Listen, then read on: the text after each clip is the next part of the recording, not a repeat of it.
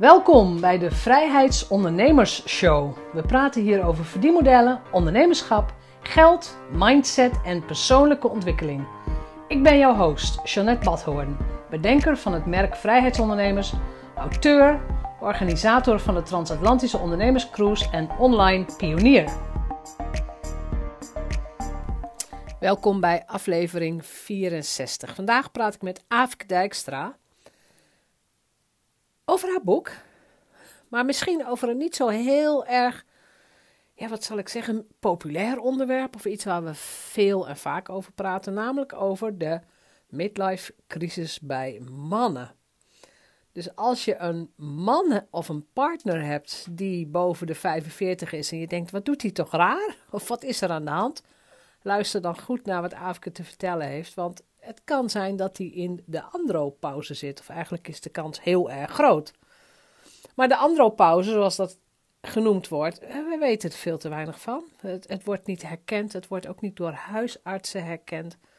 En vanuit, ja, vanuit die positie heeft Aafke besloten, we moeten hierover praten. Ik moet Nederlandse mannen en vrouwen hier meer informatie over geven. En dat doet ze onder andere door een boek wat gaat verschijnen, door een online training, maar vooral ook in dit soort interviews door erover te praten. Veel plezier met Aafke Dijkstra. Aafke Dijkstra, welkom. Ja, dankjewel. Leuk dat ik hier mag zijn. Ja, jij staat online bekend als de Midlife Happiness Expert. Ja. En ik ken alleen maar de midlife crisis. Ja, maar midlife happiness is natuurlijk veel fijner en dat is hetgeen waar we naartoe willen. ja, nou ja, dat ben ik ook helemaal met je eens. Maar ehm, voor de mensen die je helemaal niet kennen, hoe ben jij ondernemer geworden? Hoe ben je op dit pad gekomen van ehm, nou ja, mannen die een midlife crisis hebben? En waarom vind je dat belangrijk? Nou, nou ik ben eigenlijk begonnen, ik ben begonnen als uh, personeelsfunctionaris, personeelsadviseur in het bedrijfsleven, maar ook uh, non-profit. Dat heb ik uh, heel lang gedaan.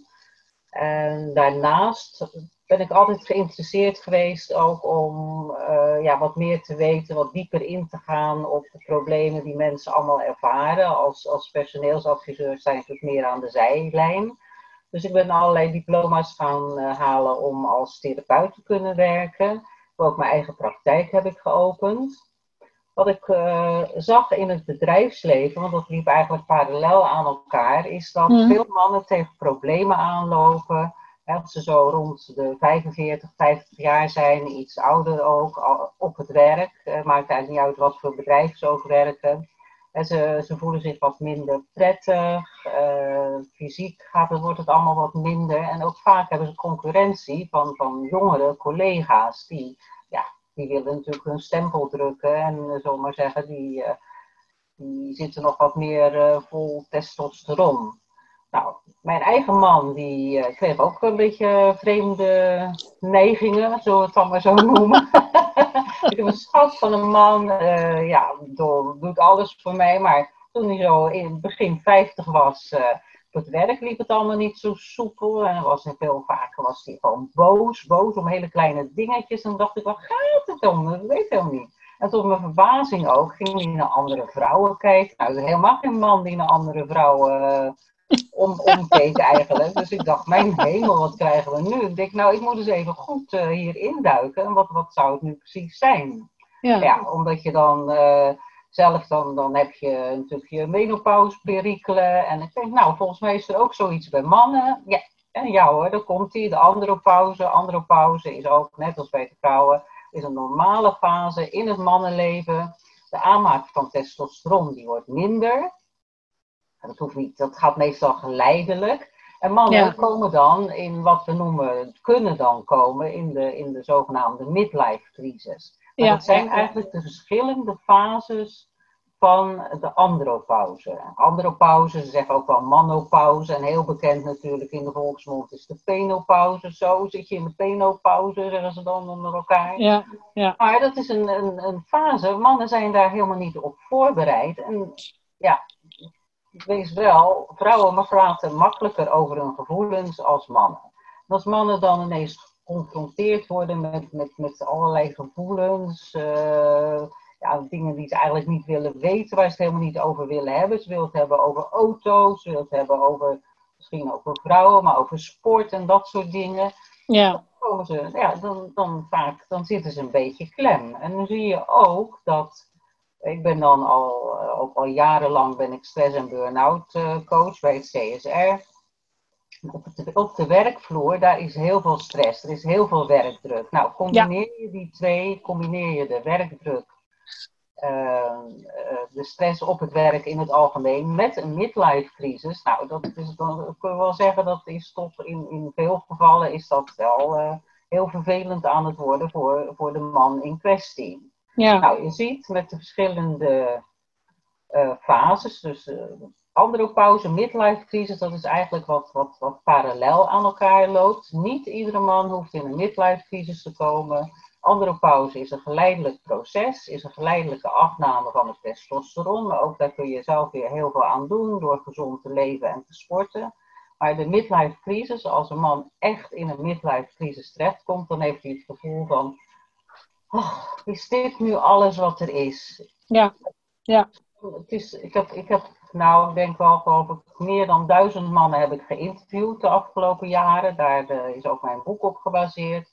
Ja, komen we zo Wat steeds naar voren komt, is dat ze, ze denken dat ze geen keuzes meer hebben. Ja.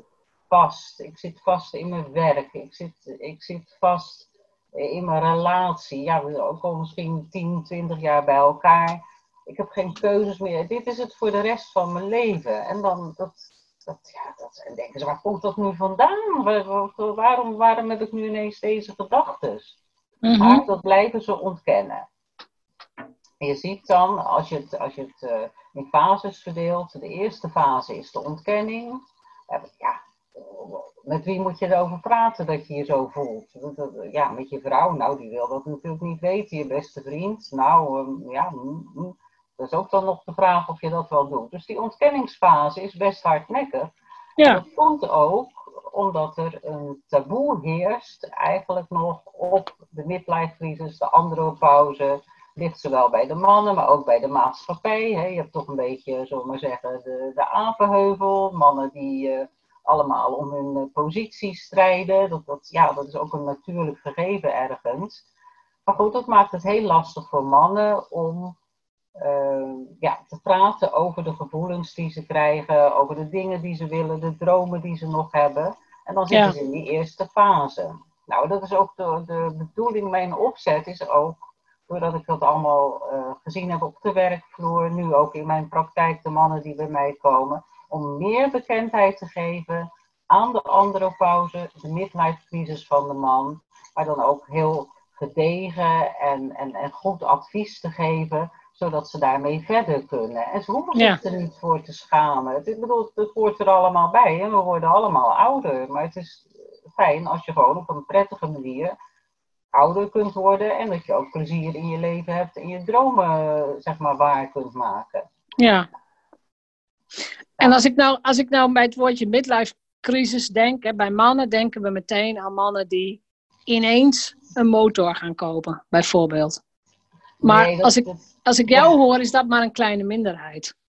Ja, en dat is ook, dat is, dat is trouwens de, de derde fase, want je hebt dan de eerste fase, wat, wat ik net zei, is de, de ontkenningsfase. Nou, de fase 2, dan, dan geven ze dat min of meer, ja, geven ze dat toe. Van, ik, ja, nou ja, de, de ontkennen, dat heeft blijkbaar niet zoveel zin, want ik voel me gewoon eh, helemaal niet prettig. Ik loop tegen een aantal muren aan en dan worden ze boos. Dan denken ze, potverdrie. Ik bedoel, kijk, ik werk mijn hele leven al hard. Ik onderhoud mijn gezin. Ik heb een hoge hypotheek. Ik moet eh, aan allerlei dingen voldoen. Ik moet mijn vrouw gelukkig houden. Mijn kinderen gelukkig houden. En wanneer ben ik nu eens een keer aan de beurt? Zo, zo. En ze worden dan heel vaak ook in het gezin worden ze boos, onredelijk. En die vrouw die Ja. denkt ook van, mijn god, wat is er met die man aan de hand? Is- Maar is het iets wat die man letterlijk denkt? Van wanneer kom ik aan de beurt? Of heeft hij eigenlijk geen idee wat hij denkt of voelt? Het is niet, het is die, vooral die boosheidsfase, die kan wat ongenuanceerd zijn. Het is eh, boos in het, in het algemeen op alles en nog wat. En, maar dan is het ook van, ja, nou, eh, moet ik weer eh, naar mijn werk, moet ik weer dat allemaal doen? Ja, ja, ja, ja, ja, ja. ja. Nou, en dan daarna, dan, dat is dan de fase die we, die we allemaal zo stereotyp vinden. Dat is de, de, wat, wat ik dan noem de uitleeffase. En dan zie je in een aantal gevallen, maar lang ook niet bij alle mannen. Het, kan ook zijn dat ze gewoon eh, wat, wat andere uitvluchten gaan zoeken. Maar het stereotype is een man die gaat zich dan jeugdig kleden. Ja. Een leuke, snelle outfit. Gaat naar de kapper. Wil hij ineens een baard of een snor. En dan wil hij een snelle auto. Het liefst dan een sportauto. Dat wilde hij altijd al. Of een motor. Nou, er is allemaal niks mis mee. Gewoon doen.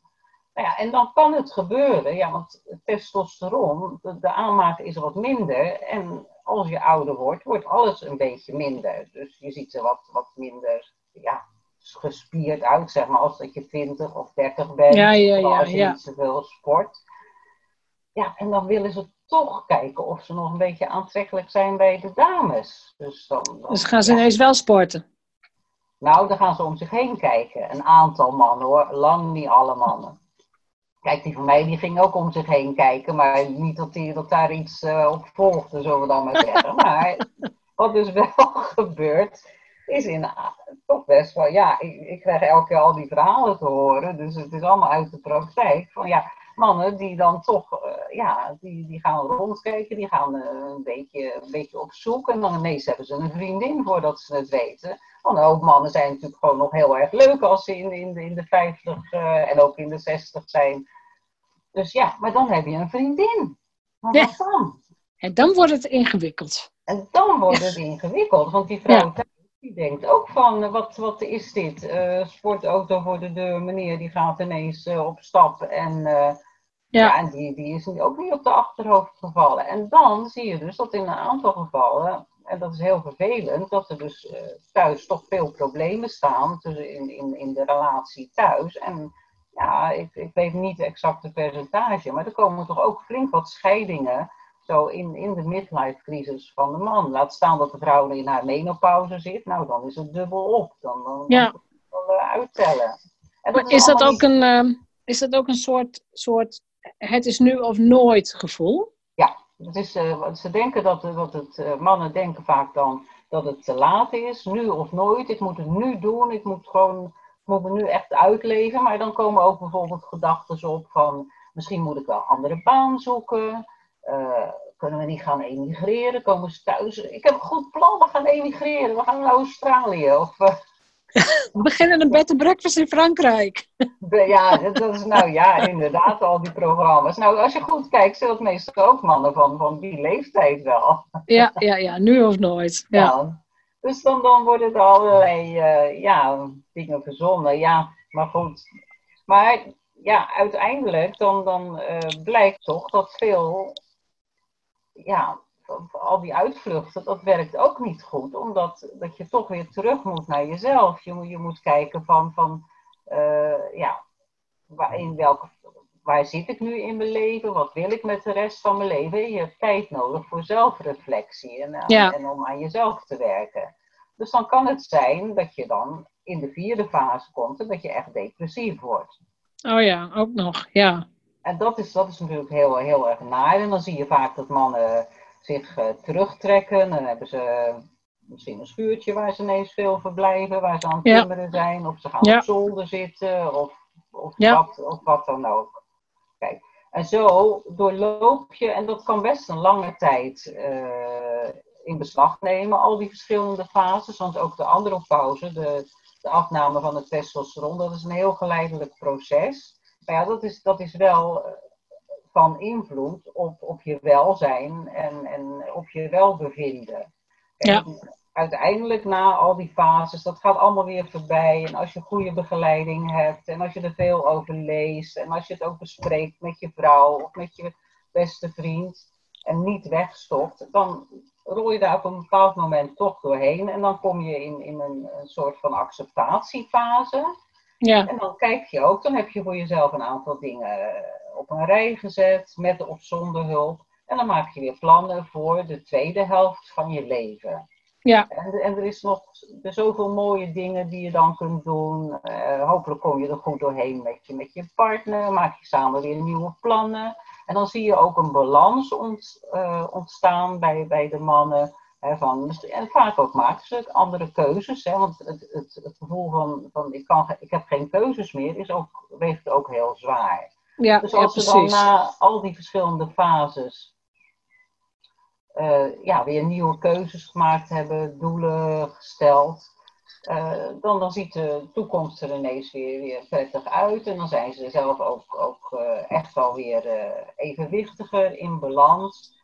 Sommige, men, sommige mannen nemen een andere baan, die gaan dan eindelijk doen wat ze echt leuk vinden. Ja, Ze Ja. zitten misschien wel twintig jaar in, in dezelfde sleur in een bepaalde man. Sommigen worden ondernemer, anderen die gaan gewoon ja, iets, iets heel anders doen wat ze eigenlijk altijd al wilden. Alles wordt zo op, toch wel op een bepaald moment op een weegschaal gelegd en dan worden er duidelijke keuzes gemaakt. ja, klinkt ook heel logisch. Nou weet ik dat van eh, de statistieken van, van de podcast, hè, er luisteren heel veel vrouwen. Eh, ik geloof 93% van de luisteraars is vrouw. En ze zijn ook nog gemiddeld boven de 45. Oftewel, de kans is heel groot dat als ze een partner hebben, een mannelijke partner, dat die partner ook in de midlife crisis zit of is geschoten of in elk geval in de andropauze gaat. Wat kan ik als partner doen om mijn man hierin te begeleiden? Terwijl ik inderdaad zelf ook nog met die overgang zit en met kinderen die het huis uitgaan enzovoort. Dat Ja, is verstandig. je, als, als vrouw kun je wel degelijk je man heel goed eh, ondersteunen. Kijk, het is wel belangrijk dat je bij jezelf blijft en dat je ook kijkt naar je eigen proces. Ik heb ook besloten om, om een boek te schrijven. Dat is in, in eerste instantie zijn dat de, het, het verloop van de fases, eh, wat je kunt doen om je relatie Ja, we komen goed zo te boek. houden. Ik ga zo over het boek praten, ja. Oké. Ja. En ehm, dus als, als vrouw moet je ook eh, verdiepen in, in de andropauze, in de midlife van de man. En vooral erover praten met je man. Ook, geef hem maar gewoon dat kleine zetje van... eh, luister eens, ik zie allerlei dingen bij je, ik herken ze. Voor zover ik kan zien heeft het toch te maken met, met de andropauze en, en de midlife crisis. Laten we daar nou gewoon tijd voor nemen, dat we gewoon daar open over zijn en daarover praten. En Ja. dan kan ik kijken als vrouw zijnde, in hoeverre kan ik je daarbij ondersteunen en helpen. Het is natuurlijk wel zijn proces, want, want ja, het is zijn leven waar hij dan toch op een bepaald moment een, een balans in moet vinden. Dus Ja. nou, het is belangrijk om wel eh, steun en, en, en toch toegelaten te blijven, maar dat geldt natuurlijk over en weer. Dat geldt over en weer. Ja, dus die man die moet maar iets lezen over de overgang van de vrouwen. Ja, en, Of de, zo, en de mannen, ja. die moeten ook iets lezen over, over, de, over de menopauze. En dan kunnen ze daar ook eh, makkelijker eh, mee omgaan. Kijk, en, en in mijn praktijk eh, krijg ik heel veel mannen die, die zeggen van... Nou ja, ik wil gewoon toch graag ondersteund worden. Ik wil wat meer zicht hebben. Ik wil wat coaching hebben. Ja. Ik heb ook nog, laten we zeggen, oude rommel uit het verleden... die ik nooit goed opgeruimd heb. Van, eh, kunnen we daar ook, eh, ook aan werken? Dus Ja. er zijn genoeg mogelijkheden nu om ondersteuning te krijgen. Maar het belangrijkste is dat je het niet wegstopt, dat je er gewoon voor uitkomt. En al is het ook algemener voor mannen om erover te praten. Ja, het is En gewoon een aspect nu- van het leven. Nu zie je eigenlijk heel weinig, eh, zeg maar in tijdschriften of, of in het algemeen. In Amerika is het iets meer, maar er wordt, ja, er wordt eigenlijk alleen maar aandacht besteed aan, aan, de problemen van, van de vrouwen. Terwijl dit toch een vergaande invloed heeft op het werk, op de familie, op het gezin, op je relatie. En wat ik ook wel een belangrijk punt vind, is doordat je allerlei vage klachten krijgt, kan het zijn dat je huisarts je gewoon doorstuurt voor allerlei onderzoeken die soms helemaal niet nodig zijn. Nee, het, ja, het wordt even medisch afgedaan dan. dan wordt het op een medische manier afgedaan. En mocht je huisarts nou ook een eh, man zijn van in, in, in de 50, zeg maar, die zelf in een midlife crisis zit, ja, Ja, het zou mooi zijn als, als dat gewoon meegenomen wordt in, in het hele medische gebeuren. En, en ja, en, en kijk, als je vage klachten hebt, heel veel dingen zijn natuurlijk psychosomatisch. Dat als jij niet lekker in je vel zit, ja, dan krijg je buikpijn, dan krijg je hoofdpijn. Of, ja maar komt vanzelf wat. Ja, dat komt vanzelf wat inderdaad. Want jij noemde het al even, jij bent nu een boek aan het schrijven. Ja, We hebben alleen nog maar een werktitel volgens mij voor het Ja. boek. Wat is op dit moment de werktitel? op dit moment is de werktitel in uh, tien stappen je midlife crisis de baas.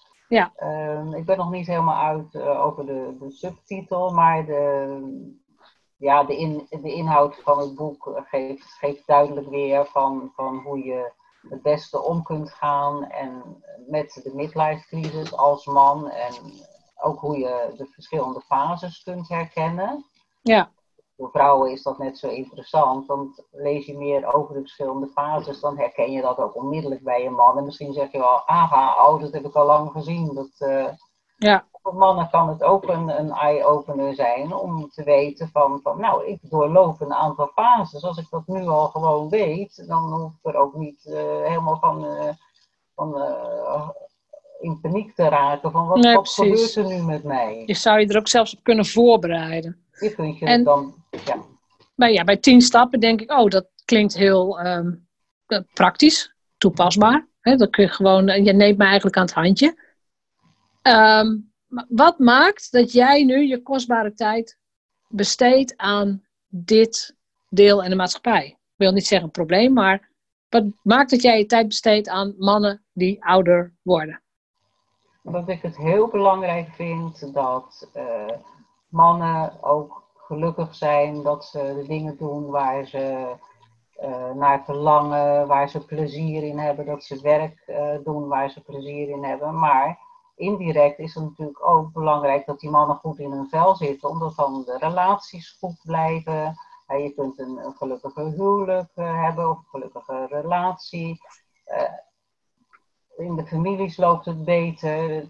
Het is het Ja. algemeen welzijn van de man, waar toch nog te weinig aandacht aan besteed wordt. En de midlife crisis, daar heerst een, eh, rust nog steeds een taboe op. En ik wil graag dat taboe opheffen. Ja, Ik denk, het is zo simpel, hè, door er meer over te weten om, en door actie te ondernemen, dat is natuurlijk met alles in het algemeen ook zo, ja, kun je veel gezonder, gelukkiger zijn, kun je de dingen doen waar je plezier in hebt.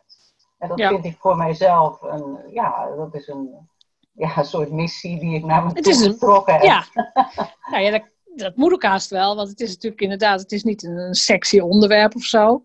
Nee, nee, het Ehm. is ook nog een onderwerp waar je best eh, een beetje voor moet, eh, moet eh, nou best veel voor moet duwen om, om het zichtbaar te laten worden. Om, door Ja. dat taboe wat er nog steeds op rust. Ja, nou jij zei ook in het begin, ik ben personeelsfunctionaris geweest, HR-functionaris. Heb je enig idee hoeveel ziekteverzuim er is onder mannen die eigenlijk ziek thuis zitten of iets hebben, maar eigenlijk in de midlife crisis zitten? Ja, daar kan ik geen cijfers over geven, maar ik zie dan wel vaak in het bedrijfsleven ook dat het dan gecombineerd is, een combinatie is van, van stress en burn-out met een midlife crisis. Ja, Kijk, en heb jij een burn-out, kom je, eh, heb je een echte volle burn-out, nou dan ben je gewoon een jaar ben je thuis. Dat, dat, eh, precies. ik heb een, Ja. een aantal mensen uit het, eh, uit het onderwijs in, in traject bij mij zitten. Ja, die, die zijn gewoon, nou, bijna na een jaar, dan wil het nog maar niet altijd helemaal goed gaan. En, en je ziet het in alle, alle branches hoor, de, de stress en de, en de burn-out. En, en de burn-out is een geleidelijk proces, die bouwt zich op ook gedurende een aantal jaren. En als je dan echt eenmaal over de grens gaat, er zijn ook allerlei signalen voor. Ik besteed ook nog een, eh, een hoofdstuk aan stress en burn-out in mijn boek. Dat is ook, Ja. eh, ook wel heel eh, belangrijk. Er zijn eh, tien signalen die, die al aangeven dat je soms al te ver bent. En Noem eens een paar signalen, want misschien herkennen we die bij onze partners. Nou, als je, als, als, als je partner, als die een kort lontje krijgt, als die ochtends opstaat en is al moe om eigenlijk naar het werk toe te gaan, slecht Ja. slapen, liggen piekeren, eh, snel boos worden, vaker ziek worden. Ja, Kijk, ben je, en als eh, zodra de geheu- geheugenverlies gaat optreden, dan ben je echt al heel ver. Zover moet je het ook nooit laten komen hoor. Dat een, een burn-out is. Er wordt ook soms nog lacherig gedaan over een burn-out. Van, vooral in, in, in sectoren waar dan, zullen maar zeggen, de echte zware mannenberoepen zijn. Woe, woe, woe, nee hoor, burn-out. Nou, ik snap er niks van. Waar, Ja. waar moet je nou een burn-out van hebben? Maar dat, er zijn zoveel factoren die bij elkaar komen met een burn-out Dat, eh, dat is echt iets wat je moet proberen te, te voorkomen, want het is eigenlijk een stuk, eh, je moet het zien als een stuk elastiek. Je overrekt het en het komt nooit meer zo mooi op spanning. Nee. En ook de kant Nee, dan knapt hij en dan is het klaar. En als die knapt, dan is het eh, helemaal klaar. Want, dus dat. Maar gelukkig ook daar, daar kan heel veel preventief kan daar aan gedaan worden. Ja. Dat. Heb jij ook in de loop van de jaren kenmerken gezien bij mensen, bij mannen, die minder gevoelig zijn voor burn-out? Dus wat, wat kenmerkt die groep? Ja, de, de mannen die eh, eh, minder gevoelig zijn voor, voor stress, dat zijn toch ook vaak eh degenen die thuis een, een stabiele thuissituatie hebben. Die heel erg goed zijn in het plannen en vooral in het stellen van grenzen. Tot zover en niet verder. Eh, Oké, dat werk moet gedaan worden. Nee, dat kan ik er niet bij hebben. Dus duidelijk Ja. grenzen stellen. Ja. En dat geldt, en dat geldt zowel voor, voor mannen als vrouwen natuurlijk. Ja. En een stabiele thuissituatie is ook heel belangrijk. Kijk, heb je privé heel veel problemen, zit je in een scheiding of heb je kinderen die ziek zijn of, of iets anders mee is. Ja. Ja. je kan, dat kun je gewoon niet scheiden. Het loopt allemaal in elkaar over. Ja. Ja, en het wordt volgens mij vaak weggezet van, oh, ik heb het veel te druk op mijn werk. Nee. Maar van alleen het werk, ja, ik weet het niet of mensen daar een. Jij bent de deskundige, ik niet. Maar ik heb inderdaad ook het idee, het is vaak een soort beslagkom. Daar gaat van alles in. Ja, En het ene aandeel, ehm, nou ja, als dat dan te zwaar wordt, dan lukt het gewoon niet meer. ja en, en sommige mensen zijn ook stressgevoeliger. Sommige Ja. Zijn ook stressgevoeliger. En, en je weet niet wat voor rugzak iemand heeft. Hè, die telt Nee. natuurlijk ook mee. Dus je hebt de rugzak, je hebt de, de, de thuissituatie, allerlei problemen die daar kunnen spelen. Want soms, ja, als ik dan ook in die interviews, ik, soms ben ik, dan zit ik echt met open mond en denk, jeetje, wat maken die mensen allemaal mee? Wat maken die mannen allemaal mee? En dan hoor je van bepaalde thuissituaties en denk, nou, knap dat je nog zo functioneert. Ja.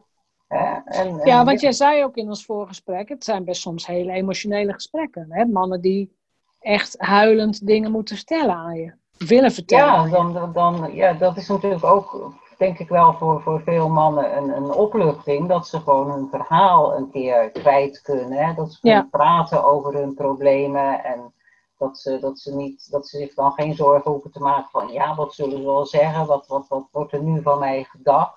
Ja, en Ja. dan zie je als dat eenmaal loskomt, ja, dan, dan kan dat een heel eh, emotioneel gesprek zijn. En er spelen ook vaak heel veel heel veel dingen waarvan ik denk, jee, oh, wat, nou, je hebt toch wel met heel veel knap dat je nog zo staande houdt. Ja, precies.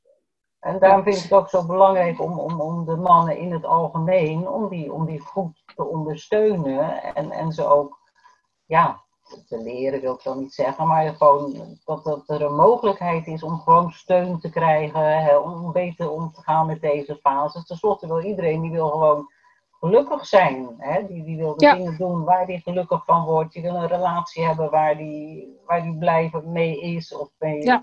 oud mee kan worden. Dat zijn gewoon normale, normale dingen. Ja, precies. En eh, je schrijft nu een boek. Na, nou ja, na de jaren dat je nu al dit werk doet. Waarom dit boek nu? Nou, daar kan ik eigenlijk niet, niet een heel duidelijk antwoord op geven. Ik denk dat het belangrijk is dat het boek er is. Ja. En eh, ja, je hebt natuurlijk toch tijd nodig om, om het boek te maken. En je hebt alle interviews al die je daarvoor doet. Dus op een bepaald moment is gewoon het moment dat je zegt Ja. van nou oké, nu maken we het boek. En dan is dat ook eh, dat. En wat hoop je dat het boek gaat doen in de wereld?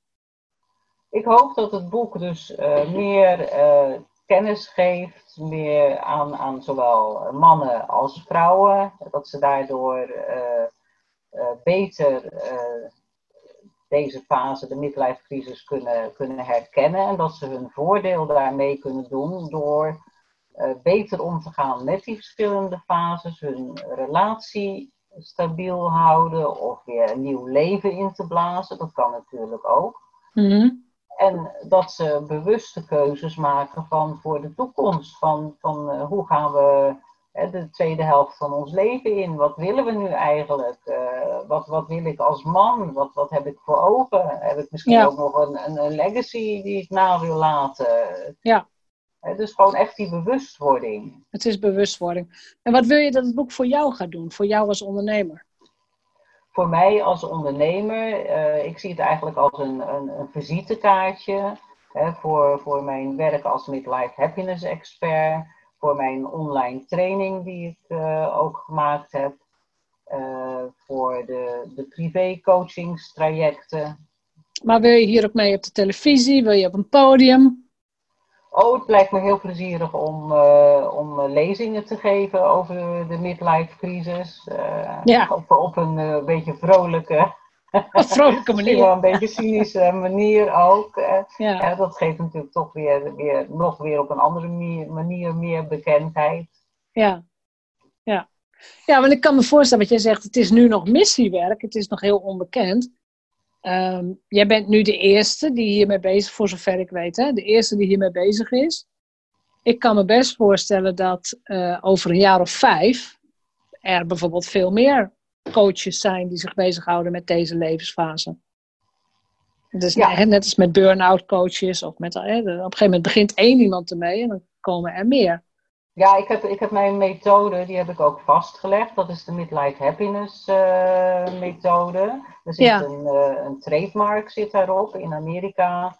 Ja. En voor Europa is het ook vastgelegd. Dus met, met die methode zou je ook in de toekomst zou je gewoon andere uh, therapeuten of coaches ook op kunnen leiden om hier meer mee te gaan doen. Ja, dat kan ik me heel goed voorstellen. Daarvoor. En dat maakt dan niet uit of, of het mannelijke of vrouwelijke therapeuten of coaches zijn. Iedereen uh, kan, dat even goed, uh, kan dat even goed doen.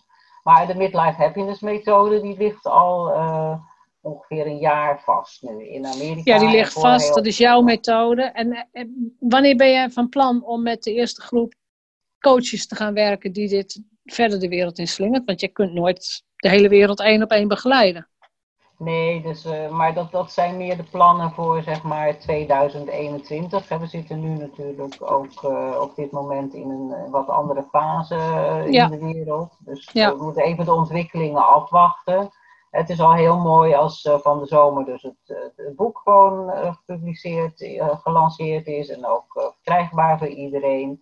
En, en, de, gewoon de online training, de privé coachingstrajecten, de vijf dagen, dat loopt allemaal wel door. Ja, want de verwachtingsdatum nu is september 2020?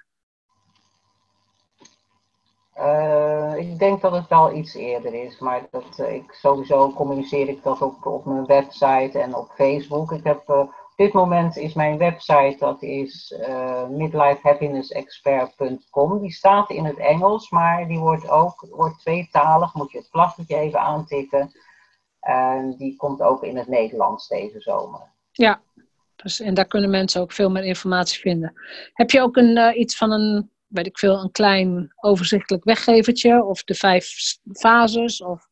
Ja, er staat uh, nu, is dan nu nog even Engelstalig de, de midlife crisis checklist. Uh, dus er checklist, zijn een aantal vragen en dan kun je dus duidelijk zien in, uh, in, in hoeverre je in de andere pauze of de midlife crisis bent. Ja. En bijvoorbeeld voor de stress en de burn-out coaching, daarvoor zijn hele specifieke gevalideerde testen die door de universiteit ontwikkeld zijn. En deze die zitten dan in een, in een traject of in een intakegesprek. Ja, en daar precies. komt dan ook een scorelijst uit van oké, okay, uh, de, de stress is hoog op die punten, die punten, noem maar op. Dus dat, ja, dat, uh... snap ik. Dus als ik even nou ja, een beetje een soort samenvatting geef. Andropauze hoort gewoon bij het mannelijke leven. Ja, het is een natuurlijke fase in het mannenleven. Het is een geleidelijke afname van testosteron. En ja. testosteron is, ja, is eigenlijk een, een, een biomarker ook uh, voor het algemeen welzijn van, van, van de man. En zou je je testosteron, ben je, ben je een jonge man, ja, dan, dan barst je van de testosteron. En dan zie je ook dat, dat, dat echte mannelijke stoere gedrag. Ja, ja, ja. En testosteron, dat, is, dat hoort natuurlijk bij, bij, bij de natuur. Dat neemt naarmate je ouder wordt, kan dat wat afnemen, maar dat gaat heel geleidelijk. In enkele gevallen kan het zijn dat er door een aantal oorzaken dat het echt te laag is, maar daar heb je dan, moet je gewoon voor naar de huisarts en dan moet, kun je onderzoeken laten doen en dan kunnen ze dat gewoon gaan meten. Oké, ja. Ja, maar dat is, dat, dat is dan weer... Maar het hoort, precies, het hoort er gewoon bij. Het is gewoon, gewoon normale mensenleven. Um, het mensenleven in het algemeen heb je ook alle verschillende fases. Hè? Dus ja. dat je als kind, als tiener, noem maar op. En zo, zo ga je het leven door. En elke fase kun je zien als een nieuwe stap in je leven, waar je dan weer nieuwe inzichten in krijgt. Ja, Ja. En de andere pauze is nou net een fase waarbij er ook fysieke ongemakken ontstaan, kunnen ontstaan. En, en waarbij je mentaal eh, ja, anders, ook je anders voelt, eh, dat je gaat piekeren. En ja, dat, dat hoort bij die verschillende fasen. Maar het is alles, alles bij elkaar is het een natuurlijke fase waar je op een redelijk goede manier gewoon doorheen kunt. En dan heb je weer uitzicht op allerlei leuke dingen in de toekomst. En dan heb je ook vaak helderder voor jezelf van waar word ik nu gelukkig van, waar blijf ik gelukkig van en maak je nieuwe keuzes. Ja. Ja. En jij hebt het gewoon tot je missie gemaakt om in elk geval met dit boek, het boek is in het Nederlands, om in elk geval in Nederland, de Nederlandse taal, die man ervan te overtuigen dat het normaal is. Ja. En ik kan me zo voorstellen dat ook heel veel vrouwen als partner van zo'n man eh, dit boek gewoon willen lezen. Zo van, wat inderdaad, wat is er met hem? Ja, waar, he- waar, waar- waar- waarom doet hij zo raar? Nou ja, dat is dus ja ik, krijg, ik ook regelmatig krijg ik, eh, mailtjes van, eh, van vrouwen die dan al wel een aantal dingen herkennen. En die, Ja. die vragen dan van, ja, ik denk dat mijn man in de, in de midlife crisis zit, want hij doet dit en, en, en er gebeuren allerlei vreemde dingen. Ja, ja, Maar herken je dat dus echt, kun je dat gewoon terugleiden naar de verschillende fases en kun je er samen over praten? Nou, dan ben je al, heb je al een flinke stap gemaakt. ja, precies. Dat, is- dus blijf in verbinding is eigenlijk het woord. Ja, blijf in Ja, verbinding. zeker. blijf in gesprek. Ja. Is er nog iets, iets wat je mensen die hier naar luisteren, met jouw interview gaat verschijnen in de maand van de auteurs, hè, mensen die een boek schrijven, kennisexperts die een boek schrijven, zo moet ik het zeggen. Is er nog iets wat jij wilt meegeven aan ze?